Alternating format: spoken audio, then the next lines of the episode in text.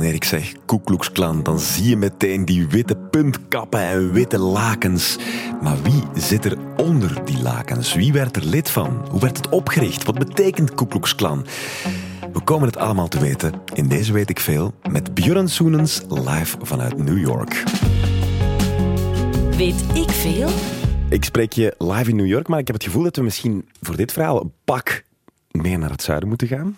Um, waar moeten we naartoe voor het begin? Wel, de, de verwarring is eigenlijk, de verwarring is eigenlijk dat het alleen maar zuidelijk zou zijn, maar de klan is eigenlijk iets dat in heel Amerika is voorgekomen, ook in het westen, ook in het noordoosten, ook in het noordwesten, zuidoosten, zuidwesten. Maar het is inderdaad ontstaan in de staat Tennessee, in het diepe zuiden, zoals dat dan heet, mm -hmm. van de VS, in Pulaski door zes uh, mannen die terugkwamen van de burgeroorlog, die verloren was door het zuiden.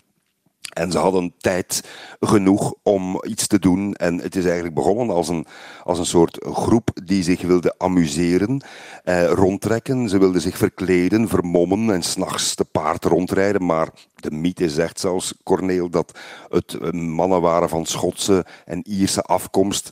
En dat ze wilden rondtrekken om serenades uh, te zingen voor meisjes. En die klan zou dan verwijzen naar ja, een Schotse klan, een groep van ja, mensen. Ja. En de KKK, uh, ze, ze, zochten naar een symbool. En uh, ja, de Kuklos betekent eigenlijk een soort cirkel. Uh, dat is een Grieks woord, het Griekse woord voor, voor cirkel. En ze begonnen te allitereren, dus, dus de, dezelfde letter te gebruiken. Vandaar Q-Klux. Oké, okay, dus op dat moment heeft het nog niets te maken. Ik heb ook al ooit al de theorieën gehoord dat het een soort imitatie is, een onomatopee voor een geweer. Klux Klan. Van... Ah, maar er worden zoveel mythes uh, verteld uh, dat ze ook nog zeer actief zijn op dit moment. Ze hebben nauwelijks een paar honderd leden op dit moment. Dus het is altijd een, een geheim genootschap geweest. Dus ze hebben daar altijd op geteerd. Maar in het begin was het ja, bijna om, om de burgeroorlog in herinnering te brengen. Vandaar de witte lakens die ze over zich trokken ook. Die, die moesten dan verwijzen naar de geesten oh. uh, van, van de dode soldaten okay. uit de burgeroorlog, uit het zuiden om die uh, in herinnering te brengen, om die te eren. Uh, vandaar dat ze die lakens over hun hoofd trokken om, om die geesten terug tot leven te wekken. Heb je eigenlijk ooit al iemand van de klan ontmoet? Ik heb wel mensen ontmoet die uh, mensen uit de klan hebben gekend. Ik heb, uh, ben rondgetrokken in Mississippi een tijd geleden. En uh, op het platteland daar waren er nog mensen die vertelden hoe de klan hen kwam terroriseren toen ze uh, kind waren. In de jaren 60, in de jaren 70 ook nog. Hoe ze, hoe ze s'nachts inderdaad nog rondtrokken, dan mm -hmm. een kruis begonnen te verbranden aan dat huis. En dan probeerden binnen te dringen in het huis om iemand af te ranselen, iemand een lesje te leren. Dus het was echt wel een soort terreurbeweging mm -hmm. op het platteland, op vele plaatsen. En, en we zullen het er nog wel over hebben. Uh, er zijn periodes geweest waar ze populairder waren dan, dan andere periodes waar ze echt wel uh, een, een, een, enorme invloed hebben uitgeoefend op de samenleving. Want kijk, nu, nu mag het niet gezegd worden, want ze zijn geheim. Niemand zal ermee uitpakken. Maar toen was het op een bepaald moment zelfs een voorwaarde om, om uh, een functie te krijgen uh, bij gemeentes, bij steden. Om, je moest bewijzen dat je lid was. Dat was echt een broederschap waar je blij was dat je ertoe kon behoren. En dat speelde altijd mee, Corneel, in... in in, in, veel bewegingen, ook bewegingen die, die gevaarlijk zijn, dat het begint als iets waar je toe wil horen. Ja. Mensen voelen zich vervreemd, voelen zich nergens thuis en willen bij die club horen. Een groepsgevoel krijgen, de opwinding daarvan. En zeker, zeker in het zuiden, waar, waar de saaiheid van het leven soms groot was, was ja. het een soort anti-gif, een soort antidotum voor de saaiheid van het leven. Ja, een soort van bij de jongens horen. Zo hoorden het. Ja, ja, 10 dollar betalen en je was lid van de club. Oké. Okay. Bjorn, daarnet vertelde je al over die witte lakens. Die droegen ze dus al van in het begin. Um, maar dat is, dat is een soort uniform geworden, hè? met zo'n rare kap erop. Waar komt die vandaan? Wel ja, die, die lakens uh, werden inderdaad gebruikt omdat ze de geesten vertegenwoordigden van de dode zuidelijke soldaten. Je moet weten, tussen 1860 en 1865 was er een grote burgeroorlog in de Verenigde Staten met heel veel doden. 600.000 doden. Dat is, als je het zou eh, naar vandaag uh, terugbrengen, zouden er miljoenen doden zijn, want 2% van de bevolking is toen omgekomen. Dat zuiden bleef verwoest achter. Kijk, alles was kapot. Het mhm. hele waardesysteem was kapot. Hun slavernij was afgeschaft. Het zuiden was kapotgeschoten. Dus ze wilden die orde min of meer herstellen. Het begon klein met zes ex-soldaten die zeiden we moeten een orde vormen om die vroegere waarden terug te brengen. En die, die, die witte lakens, die, die, die verwezen dan naar die geesten van de soldaten die nog rondwaarden. En dan die puntmuts uh, erop. Vaak, vaak amateuristisch, je ziet het ook. Er wordt ook een beetje mee gelachen in, in een uh, film van... Um, uh, hoe heet die film nu ook weer? Uh, van uh, Quentin Tarantino. Ja, in Django zit, zit er Django en Chained, waar, waar ze rondtrekken en dan de, de muts zit niet goed, de Juist. ogen zijn bedekt. En ze worden eigenlijk belachelijk gemaakt ja. als een bende carnavaleske Want de vrouw van een van de leden had die speciaal voor iedereen gemaakt. En dan hebben ze er commentaar op. Schandalig, dan trek ik ze ja. af. Ja, zo zo zit het in die film. Maar dat was dus ja, een beetje geïmproviseerd om zich onherkenbaar te maken. Dat betekent dat ze ook wel dingen waarom ze dus ook wel onherkenbaar wilden zijn. Begonnen ze meteen met dat soort raids, um, racistische aanvallen, lynchpartijen? Wel, je mag niet vergeten, het zuiden was, was uh, kapotgeschoten en was uh, zeer triest dat het noorden hen kwam bezetten. Want het zuiden werd echt bezet door soldaten uit het noorden. Ze verloren hun burgerrechten. Oh, dus het zuiden werd echt gezien als een opstandige provincie. Ze hadden de oorlog verloren. Dus je voelde daar van alles broeden en broeien in het zuiden. Ze wilden die oude orde herstellen. Vandaar een geheim genootschap. Want ze zijn vrij snel verboden. Ze zijn opgericht in 1866 en in 18 71 al werden ze ah. alweer buiten de wet gesteld, omdat ze echt een soort terreurbeweging waren. Ze, s'nachts trokken ze erop uit en ze hadden altijd het ritueel om grote kruisen in brand te steken. Uh, het was zeer angstwekkend. Mensen, mensen hadden daar grote schrik voor. Maar het was ook overdag eh, dat ze actief waren. En, en ze, ze waren niet alleen met een puntmutsen bezig, maar ze haalden dan bijvoorbeeld mensen uit hun huizen eh, om ze af te ranselen. En mhm de misvatting is vaak dat het alleen maar ging over het waren racisten en ze waren tegen de zwarte mensen. Maar eigenlijk waren ze veel meer. Ze waren vooral een beweging van moraalridders. Eh, toen, toen ze actief waren, waren ze ook tegen alles wat vreemd was, alles wat modern was, alles wat de, de protestantse moraal, want dat was de overheersende moraal in de VS, probeerde te dwarsbomen. Ze waren zeer erg anti-katholiek. Ah, ja? Katholieken werden ja, heel erg anti-katholiek. Dat werd gezien als iets Europees. Terwijl ze zelf vaak van Europese afkomst waren uh, als immigranten. Ja. Maar katholicisme en drank bijvoorbeeld, veel later, tegen de jaren twintig, werd drank verboden en het werd als iets duivels gezien. Uh -huh. En ze zeiden, we zijn tegen rum en tegen Rome. En rum was toen de, de, de, de overwegende drank voor, voor whisky populair werd. En voor er zware taxen werden gegeven op de rum die uit de Caraïben kwam. Of uit um, andere gebieden. Dus ze waren erg tegen alles wat vreemd was en niet alleen tegen de zwarten die yeah. rechten kregen na de burgeroorlog, die de, niet langer tot slaaf werden gemaakt.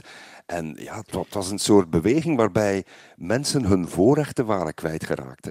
Frustraties, uh, het gevoel hebben achtergesteld te worden. Daar komt het vandaan. Vandaar dat het ook zo breed in die bevolking zat in het zuiden. En vandaar ook dat het is uitgebreid naar het hele land, omdat het een soort ontevredenheidsbeweging werd. Ik maak soms de link het is misschien, een, je zult het misschien raar vinden, naar het Trumpisme. Trumpisme is ook ontstaan uit een soort frustratie mm -hmm. over achtergesteld worden, de elite die het gewone volk wegduwt, de prijs van de globalisering. Wel nu, de KKK oorspronkelijk, de, de gewone leden waren daar ook lid van, omdat ze zich ook achtergesteld voelden. Hun status werd bedreigd in de Amerikaanse samenleving. Het waren vaak kleine zelfstandigen, kleine arbeiders die zich mismeesterd voelden. En wat doe je dan? Je schopt dan naar beneden, naar wie nog lager op Ja, de sociale ladder staat. Want op dat moment, eh, wat er dan gebeurt na die burgeroorlog, is natuurlijk, daar zijn heel veel zwarte mensen die plots allemaal rechten krijgen, die ook allemaal Ja. betaald moeten worden, niet meer Ja. als slaaf kunnen gebruikt worden. En daar zien zij een soort concurrentie in. Zeker. En Ja. we vergeten vaak, eh, zwarten hadden toen ook echt wel rechten. En ze kregen stemrecht, ze stemden massaal, ze kregen parlementsleden. Ja, ja. Het is pas later dat er een soort tegenbeweging is ontstaan, onder meer onder invloed van de eh, Ku Klux Klan, van eh, een beweging die die zwarte rechten wilden afnemen. Want in het, in het zuiden werd dan een soort apartheidspolitiek weer ingevoerd tegen de wil in van het noorden. Maar op een bepaald moment, in 1877, Ja. trok het noorden zijn soldaten terug uit dat zuiden. En het zuiden zei, wij gaan de dingen weer doen op onze manier. En de Jim Crow-wetten werden ingevoerd. En Jim Crow verwijst naar een figuur die eigenlijk zegt, we gaan de oude orde herstellen, hè, waarbij eh, zwarte mensen minderwaardig zijn, tweederangsburgers zijn. En toen begon ja, de apartheidspolitiek, zoals we die ook later in Zuid-Afrika kenden. Van aparte toiletten, aparte zwembaden, aparte restaurants, Maar dat aparte kwam dus bankjes. later. Eh, Er was een, een, een Dat kwam na momentje- 1877, Ja, ja. want dan was er eigenlijk een soort bloeiperiode voor zwarte Amerikanen. Ze zaten in het nationale parlement, Ja, ze werden vertegenwoordigd.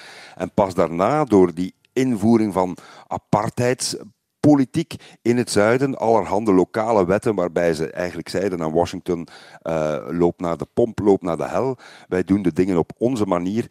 kwam er een soort discriminatie tegenover zwarten. Niet een soort, een echte discriminatie. Werden mensen eh, verhinderd om nog te gaan stemmen. Ze werden soms gevraagd eh, om, om de grondwet op te zeggen, om, om allerhande testen af te leggen, om ze eigenlijk te dwarsbomen, om ze te... te ja, en eh, wanneer dat dan gebeurt, Björn, ehm, Ja. dan, dat betekent dan ook dat ja, de doelstelling van de Ku Klux Klan op dat moment eigenlijk wel, ja, ze hebben het behaald op dat moment. Namelijk die apartheid, eh, die wordt ingevoerd met die Jim Crow-wetten. Zeker. Dan kunnen ze eigenlijk stoppen met, met hun activiteiten, of niet? Nee, want eh, ze, ze waren ook moraalridders, letterlijk en figuurlijk. Ze trokken s'nachts rond en ze ranselden mensen af. Maar dat ging ook vaak over witte mensen die ze afranselden. Namelijk mensen die, waarvan zij vonden, ja, je, je, je, bent, eh, je hebt je vrouw bedrogen, Oh ja. eh, je, je bent gescheiden. Dat hoort niet in de, in de moraal die ze hadden, de protestantse moraal. Ehm, en dan werden maar die dat klinkt wel inderdaad als verveling. Eh, Sorry, allee, dat bekijk ik dan vanuit mijn Ja, perspectief ja, ja, misschien. maar, het klinkt soort, eh, als een dorp. Zoals je een jeugdbeweging hebt Ja. die, die uit de, de hand loopt. Hè, jeugdbewegingen die met, met, met zonder politie naar elkaar beginnen te gooien. Ja. Wel, de politie was vaak lid van de klan. Eh, je ziet dat nog altijd in bepaalde milities in de VS. De Oathkeepers, de Proud Boys. Vaak zijn de leden ex-leden van de politie, of huidige leden van de politie, of van het leger. En mensen die al graag een beetje houden van, of die een beetje houden van uniformen, het clubgevoel, eh, het, eh, het soort machismo, want dat was vooral een, een, een, mannenclub. Maar vergeet niet, het wordt vaak veronachtzaamd dat die vrouwen ook actief waren, dat er ook klanvrouwen waren die die hun eigen eh, vereniging hadden en die, die ook probeerden de moraal zuiver te houden. Denk opnieuw aan die rum en Rome en, en mensen die, die eh, niet, niet deden wat er mm, hoorde in de samenleving. Dus ze waren eigenlijk een soort... Kijk, je kunt het vergelijken met een soort burgerwacht. Hè. Je, hebt wijken ook bij ons. Mensen die zeggen, we gaan De het veilig houden. Voilà, Ja. en ze, ze, ze, ze signaleren dingen aan elkaar. Maar het waren natuurlijk de diehards die dan s'nachts erop uittrokken om, om kruisen te gaan verbranden. Maar soms deden ze echt terreurdaden. Hè. Ze, ze sloegen mensen de testikels in. Mhm. Eh, ze sloegen mensen zo hard dat ze soms stierven. Ze lynchten mensen. Ze hingen ze op aan bomen. Eh, Want lynchen, voor moorden mensen die dat niet, niet kennen, dat is altijd een speciaal woord. Dat, dat is toch levend villen van mensen, toch? Hè? Wel, lynchen is vooral mensen eh, oppakken. Wat, wat ze bijvoorbeeld deden bij dat lynchen, dat was eh, nogal creatief. Het kon veel dingen betekenen. Ze konden ze aan hun wagen hangen, hè. ze een touw rond hun middel binden, dan de wagen starten en ze gewoon voortslepen door de straten. Ehm, soms omwikkelden ze ze met, met, met elektrische draden. Dan staken ze ze in brand. Dan gooiden ze ze in het water. En met Til is een goed voorbeeld. Een jongen van 14 die had gekeken naar een, een, een uh, witte vrouw. En uh, klanleden hebben toen die jongen aangepakt. Ze wilden hem een lesje leren, maar ze hebben hem vermoord. En Emmett Till is sindsdien ja, een iconische figuur. Hmm. Een jongen van 14 die in een open kist werd tentoongesteld door zijn moeder om te tonen, kijk eens wat ze onze, onze mensen aandoen. En uh, Emmett Till dat was in 1955 al. Hmm. Dus die, die, dat, dat klangeweld dat heeft zich over 150 jaar uh, uitgebreid. Hè, want ze bestaan al 157 jaar. Wanneer je googelt naar de Koekoeksklan, dan vind je heel snel een film, Björn Soenens, en die heet Birth of a Nation. Dit is een beetje muziek uit die film, eh, want daar wordt niet in gesproken. Dat is een stomme film. En dat ja, is dat klopt. Dit is eigenlijk de eerste echte Hollywood-film, waar Hollywood is doorgebroken. Een film van D.W. Griffith, uh, waarin de herinneringen worden opgehaald aan de eerste echte Ku Klux Klan, die dan al eh, lang uh, ter ziele was gegaan. Ik heb het verteld, bestaan tussen 1866 en ontbonden en verboden in 1871, mm nadat het geleid was door een, een, een ex-generaal uit het zuiden, Nathan Forrest. Um, maar kijk, de herinnering werd opgehaald en het was bijna een soort loftuiting tegenover uh, de klan, Birth of a Nation. Het zegt het zelf, de geboorte van een natie. Het was heroïs, hè, mannen te paard. En ja, het viel dan samen, dat was 1919, begin van de drooglegging ook. En de drooglegging in Amerika, dat was, ja, er waren veel mensen die alcohol dronken. Dat had ook te maken met de Eerste Wereldoorlog, anti-Duits en veel bier in de VS. Veel alcohol werd, uh, of dat bier werd gebrouwen door Duitsers. Er waren heel veel anti-Duitse gevoelens door de Eerste Wereldoorlog. En vandaar ook dat die, die drooglegging er kwam. Dus nergens mocht nog alcohol worden verkocht. Maar in plaats van een zuivere moraal te creëren, in mensen die niet meer dronken waren, die niet meer aangeschoten waren, die, die braver werden, ja, ontstonden alleen nog maar uh, gangsterverenigingen, uh, uh, clans, misdaad. Ehm, was dat het begin van het grote, grote succes van de klan begin jaren 20. En na de Eerste Wereldoorlog werd die klan een succesvolle broederschap. En het belangrijkste agendapunt was de bescherming van de traditionele Amerikaanse waarden. Mhm. WASP, uh, als je dat kent. WASP verwijst dan naar White Anglo-Saxon Protestants. wit, Anglo-Saxisch en protestants. Dat was wat je moest zijn in Amerika. Is dat ook de reden eh, waarom ze die, die, die kruisen zijn gaan verbranden? Had dat daar wat mee te maken eigenlijk, met geloof? Tuurlijk, tuurlijk. Ja, ja, het geloof was heel belangrijk. En vooral het protestantse geloof. Katholieken, daar moesten ze niets van hebben. Dat waren mensen die des duivels waren. Joods moesten ze ook niets van hebben. Want dat waren mensen die een complot uh, in, in, de maak uh, hadden. Mhm. of, of beraamden om de wereld te beheersen van financiën en, en alles in te palmen. Maar die revival van de jaren twintig was een combinatie van veel dingen. Hollywood was de aanleiding, ja. Birth of a Nation. De onrust na de Eerste Wereldoorlog en geweldsgolven, eh, enorme immigratiegolven, die drooglegging de teleurgang, net zoals vandaag, hè, stedelijk versus ruraal Amerika. Mensen die voelden van de wereld is aan het veranderen, is aan het verstedelijken, is aan het moderniseren. En de moraal kan niet volgen. Hè. Mensen kunnen mhm. soms die veranderingen niet genoeg slikken. En, en de bijhorende fundamentalistische moraal, dat bracht miljoenen, miljoenen klanrecruten op de been. Want ze hebben toen een periode gekend van enorme bloei. 3 tot 5 miljoen leden in de hele VS. Maar niet alleen in het zuiden. Bjorn, ze gingen gewoon naar Washington om te gaan marcheren. Luister even mee. In 1925 was de klan een reuzenorganisatie. Bijna 6 miljoen Amerikanen waren er lid van.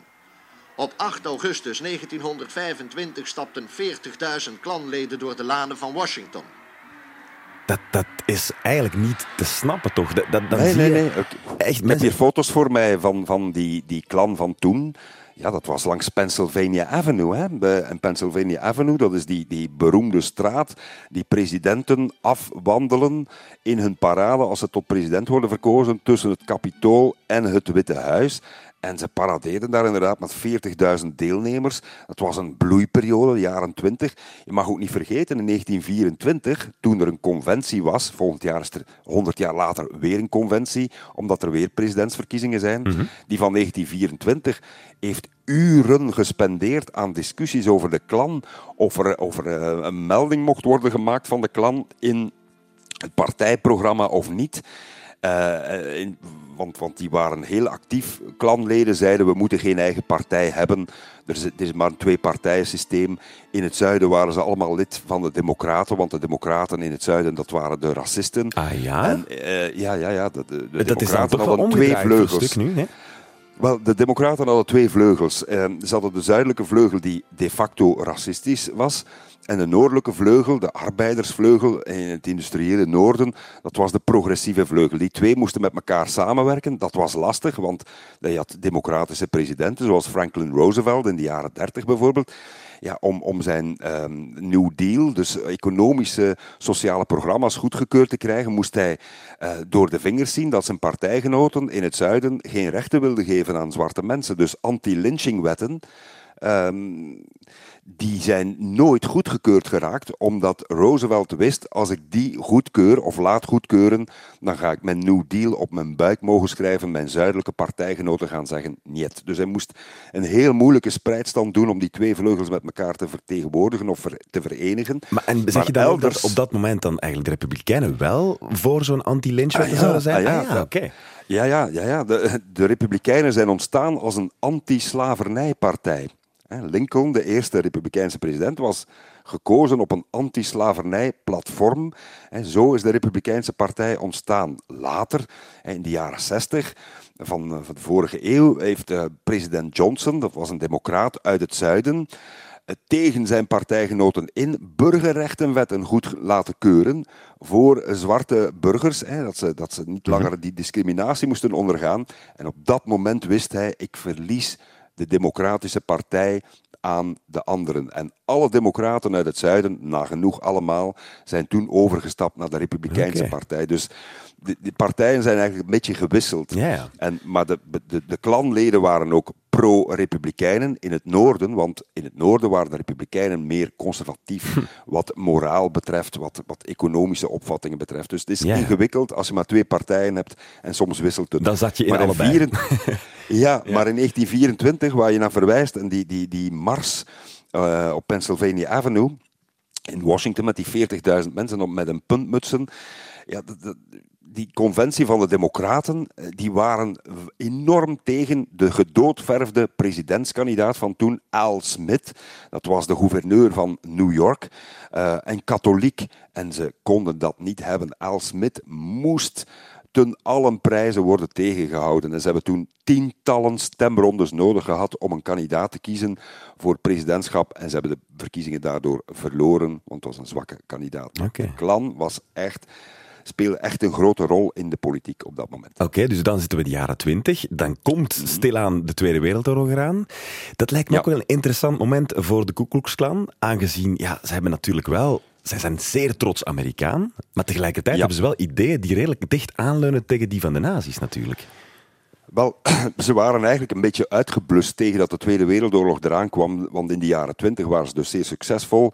De jaren 30 kwam dan de grote crisis, maar toen moesten de mensen zich op andere dingen concentreren, eh, op overleven, want er was armoede, er was grote werkloosheid, de beurs was gecrashed in 29, in de jaren 30 wa- wa- was heel de wereld in crisis.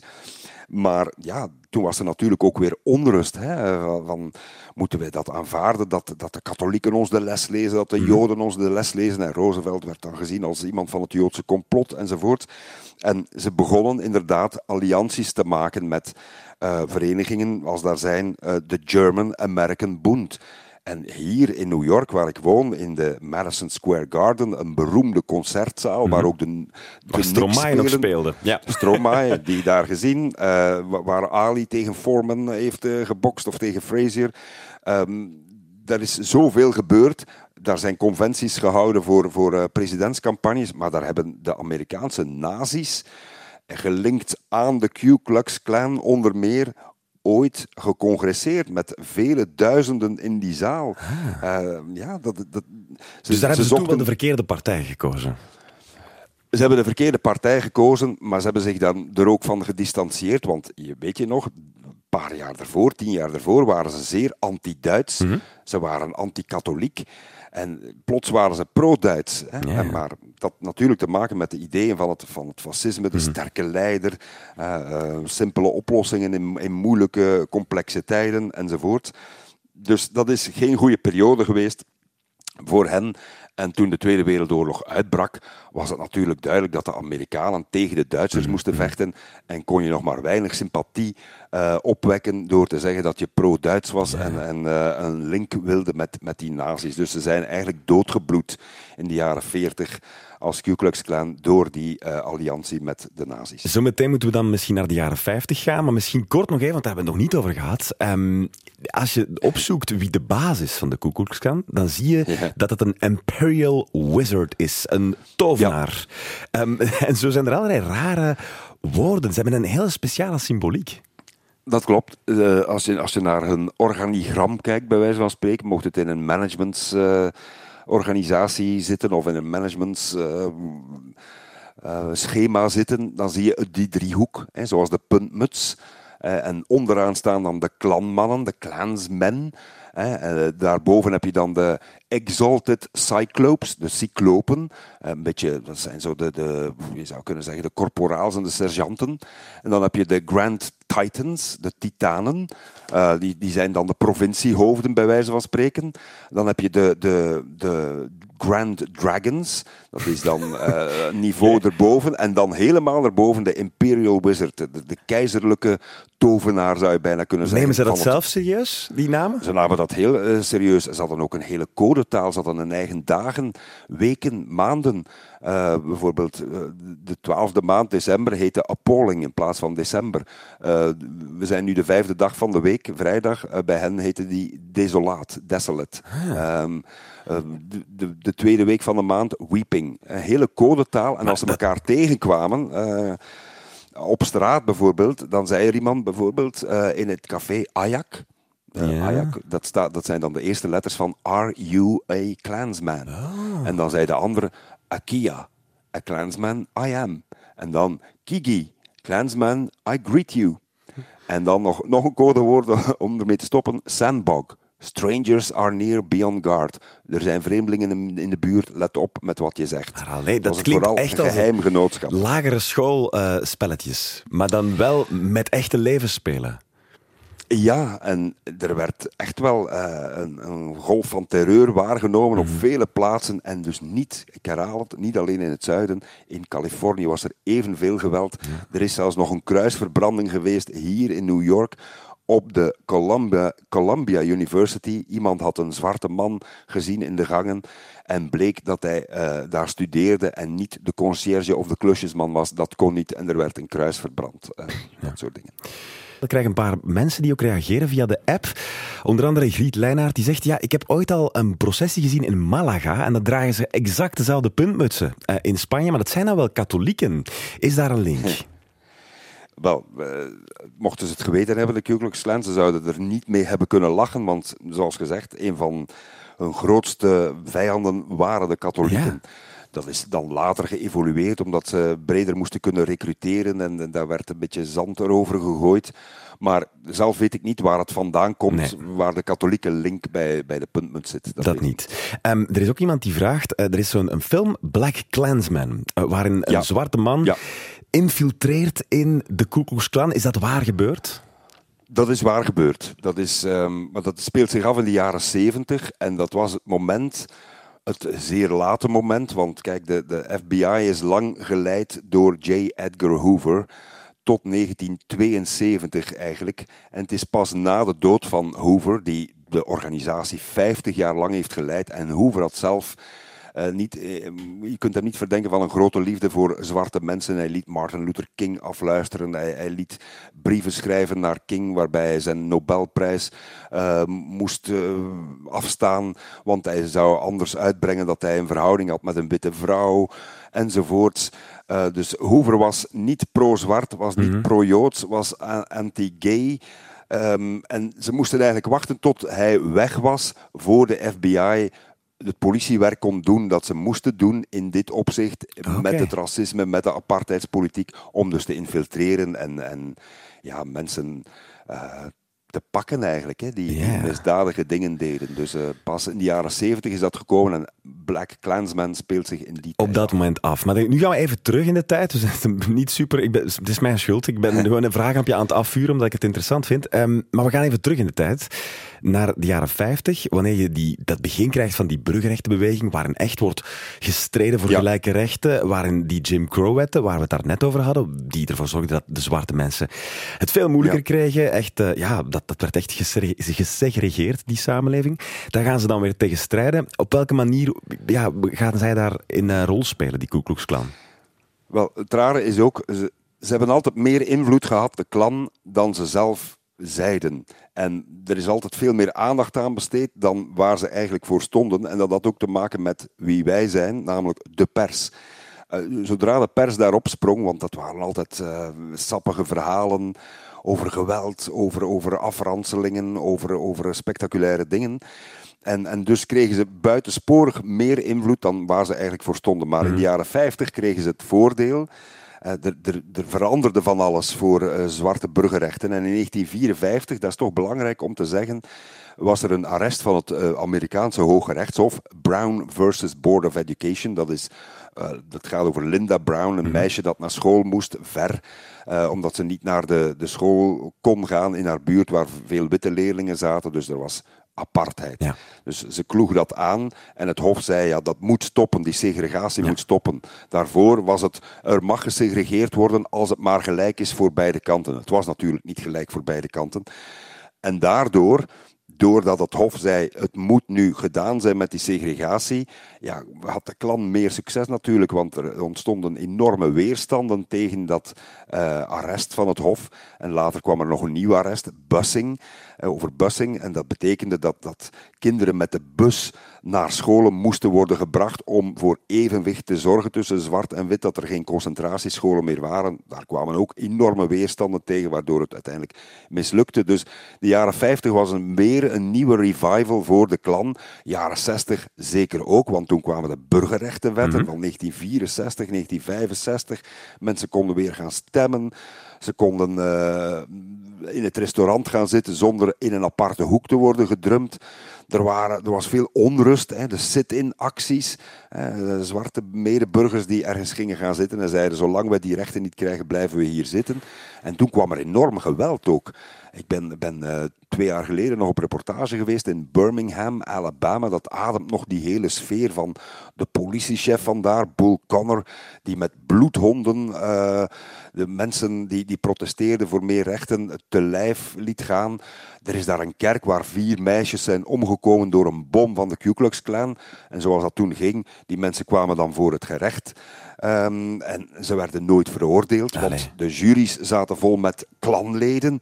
Eh, dat was zo ingeburgerd, zo in de, die witte cultuur ingeburgerd, dat, het, dat er nooit straffen werden uitgedeeld. En dan kwam eh, ja, het, meest, het ergste. eh, het is ook verfilmd in, in Mississippi Burning, waar drie burgerrechtenactivisten zijn vermoord in een rivier, eh, in beton gegoten. Ze zijn teruggevonden na 44 dagen door de FBI. En bleek dat een adjunct sheriff uit een plaatsje in Mississippi mee betrokken was. Hij had de mensen uitgeleverd aan zijn collega's, klanleden. En drie jaar later pas is het proces gebeurd zonder, met federale aanklachten. Want als het op staatsniveau gebeurde, kwam er nooit een aanklacht en zeker nooit een veroordeling. Maar die zijn toen wel veroordeeld. Die Cecil Price, die adjunct-commissaris of adjunct-sheriff, is toen wel, wel degelijk veroordeeld. Dus dan kwam er een periode waarbij de klan echt werd geraakt door ook, ook aanklachten tegen hen over fraude, over, over ontduiking van belastinggeld enzovoort, waardoor ze eigenlijk op de knieën werden gedwongen in de jaren zeventig. Maar toen kwam er een nieuwe leider, Ja? eh, een man die, die zei van laten we een beetje stoppen met ons puntmutsen en, en ons geheim genootschap. We mogen daarvoor uitkomen dat wij ergens voor staan. En dat was David Duke. Ik heb daar een David- quoteje van klaarstaan van David Duke. Eh, misschien Kijk even kort luisteren. Now, I think most of the, what you call the Klan atrocities and so forth, I think most of it is a media creation, uh, a Hollywood creation. The Klan is becoming a political organization. We're becoming a political movement. Ja, hij zegt eigenlijk van ja, het was allemaal een uitvinding van de media. Het is Hollywood die ons heeft uh, afgebeeld als gruwelijk, maar eigenlijk zijn wij gewoon politiek. Uh, hij, heeft, heeft een punt. Ze waren natuurlijk wel gewelddadig. Ze waren een terreurorganisatie, maar ze waren ook een broederschap. Mm -hmm. En die hielden barbecues. Dat waren buurtbarbecues. De KKK maakte daar ook reclame mee. Hadden zij een scoutsgroep bijvoorbeeld of zo? Uh, ze hadden een jongerenafdeling, ze hadden een vrouwenafdeling. Dat, dat was echt zo. Dat ja. was een deel van de cultuur. Mm. En hij wou dat een beetje moderniseren naar dat soort salonvegen van uh, dat aanvaarden in de cultuur. En hij zei, we gaan nu een pak dragen en ik ben niet meer de Grand Wizard. Ik ga mezelf directeur noemen. En ik heb een kantoor en ik ga niet, niet in een wit gewaad rond, rondwandelen. Hij is zelf parlementslid geworden voor Louisiana. Hij werd heel jong de baas van de KKK. Hij was amper 24 jaar, hij is er nu 73 of zo. Um, en hij heeft ook, ja, ik moet dat opnieuw zeggen, het Trumpisme toegejuicht. Weet je nog, ja. in 2017 in Charlottesville, Virginia, was er een, een akelige betoging, een tegenbetoging van uh, neonazis, van uh, alt-right wordt dat nu genoemd. Mhm. Een verzameling van, van mensen die, die, die ook zeiden over de Joden, they will not, Jews will not replace us. Ze zullen ons niet vervangen. What do we want? White power. What? White power. Dus opnieuw die verwijzing naar het witte Amerikanisme. Het wordt vaak ook een, een soort eh, puur Amerikanisme genoemd. En dat was ook het salonveeg maken van niet alleen met eh, eh, te paard rondtrekken, dat is uit een oude tijd, Mhm. maar op een, op een nieuwe manier protest aantekenen tegen de manier waarop een samenleving wordt geleid. En nu is dat de strijd tegen de elite, de strijd tegen immigratie eh, enzovoorts. Eh, je kunt Dus- niet zeggen dat, dat het Trumpisme dat dat de klan is, maar je kunt wel zeggen dat dat de, de, ja, de, de verbuigbare vorm is Mhm. van alle ideeën die daar eh, aanwezig waren. Ja. Namelijk bang zijn om je status te verliezen, bang zijn dat wit Amerika verkleurt, bang zijn dat immigranten de plaats zullen innemen van de oorspronkelijke, zogezegd oorspronkelijke Amerikanen, maar dan zonder het geweld, zonder de terreur. Maar dan zie je wel, kijk naar de bestorming van het Capitool, dat zo'n beweging dan weer mensen aantrekt. Niet de KKK, want die zijn Die is een beetje dood, toch? Hè? Mogen die is een beetje zeggen? dood. Ja. Absoluut. Er bestaan nog afdelingen hoor. Eh, Zelfs, zelfs dit jaar is er in Kentucky gemeld dat er weer activiteit is van de KKK. Maar dat gaat dan over groepjes van 20 man. Dat, dat gaat over 20 man. oldschool gasten die een beetje ja, leven in het verleden. Maar, maar nu heb je hele andere bewegingen die daaruit ontstaan zijn, toch? Mensen Het die... is een allegaartje geworden van mensen die protesteren tegen de elite, tegen Mhm. eh, het, het teloorgaan van de waarden van het platteland. Ja. Denk aan de Proud Boys, denk aan de Oathkeepers, denk aan de Three Percenters. Mensen die zeggen, we willen dus noods de wapens opnemen om de grondwet van Amerika te verdedigen, om als ware patriotten eh, Amerika te beschermen. Want vergeet niet, de, de, de bestorming van het Capitool in de hoofden van die mensen is iets goeds geweest. Hè? Dat is iets.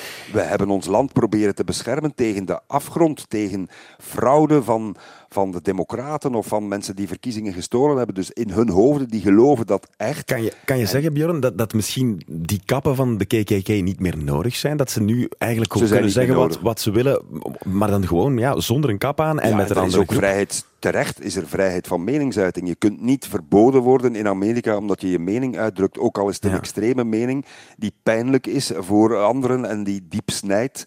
Het is nog gebleken uit een arrest van het Hoge Rechtshof ook, zo van iemand mag discrimineren en zeggen ik maak geen trouwwebsite voor u, want u bent eh, een gay couple. Ik doe dat niet, dat is tegen mijn overtuiging. Ja. Dat mag volgens het Hof, dat is vrijheid van meningsuiting. Maar als er geweld wordt gebruikt, ja, dan kan er wel opgetreden worden. Je Dat ziet wel. dat ook bij de bestorming van het Capitool. Dan wordt er individueel ingegrepen en kan de FBI en, en het gerecht ingrijpen. Maar je kunnen niet zomaar een beweging buiten de wet stellen. Maar wat misschien wel minder gebeurt, is die lynchpartijen. Of tenminste, ze dragen geen kappen meer wanneer dat gebeurt. Ehm, hoe hoe zie, eh, zie, je, zie dat dat geëvolueerd is? Eh, hoe bedoel je, die, die Ja, de de- als, we daar net hadden over, over de activiteiten van de KKK, dan ging het ja. over heel veel aanvallen, terroristische acties. Ja, ja. Is dat geminderd dan? Dat is geminderd. Er, er worden geen kruisen meer verbrand. Misschien wordt dat nog op bepaalde plaatsen gedaan, maar er zijn geen nachtelijke raids meer waarbij eh, een vrouw uit, uit haar huis wordt gesleurd om maar uh, Morris te leren, Mhm. omdat ze haar man bedrogen zou hebben, volgens eh, roddels in het dorp. Dat gebeurt niet meer. Die, die moraal wordt niet meer verdedigd, maar Ja. de, de, de weerstanden tegen het vergaan en het, het wegvallen van een traditionele moraal, die bestaan wel degelijk nog, maar nu zijn die zeker meer politiek gericht. Ja. En je ziet, het succes van het Trumpisme, dat is een breed gedragen beweging. Hè. Dat, is, dat gaat over tientallen miljoenen mensen die ontevreden zijn. Dus je zou kunnen zeggen, de klan eh, en, en de ontevredenheid in Amerika zal er altijd zijn en zal in vlagen opkomen en gaan. Meestal, als het ergens niet goed gaat in een samenleving, dan krijg je dit soort groepen die protesteren, die in de luwte werken, die milities ook, die dan trainingskampen houden op het Amerikaanse platteland en stoer doen en een paracommando uithangen, tot ze ja, het parlement bestormen en dan eh, een beetje worden eh, belaagd door het gerecht. Björn, je, je wilde ook nog even meegeven dat nog wetten uit de vroegere tijd van de KKK nu nog actueel blijven. Het is interessant om te zien hoe Donald Trump wordt nu aangeklaagd door die, die speciale aanklager Jack Smith voor zijn rol in, in de bestorming van het Capitool. En daar wordt een wet gebruikt uit 1870. Die werd gebruikt om de Ku Klux Klan te vervolgen. En dat is een wet die, die zegt, je mag niet het recht eh, in, of inbeuken op het recht van elke Amerikaan om zijn stem uit te brengen of om zijn stem te laten tellen. Dat is echt een KKK-wet uit 1870. Ze bestaan nog amper, maar de geschiedenis kennen we nu wel. Dankzij Björn Soenens, de geschiedenis van de Ku Klux Klan. Nog veel meer interessante podcasts kan je terugvinden. Nog veel meer interessante podcasts kan je terugvinden via onze app VRT Max. Weet ik veel?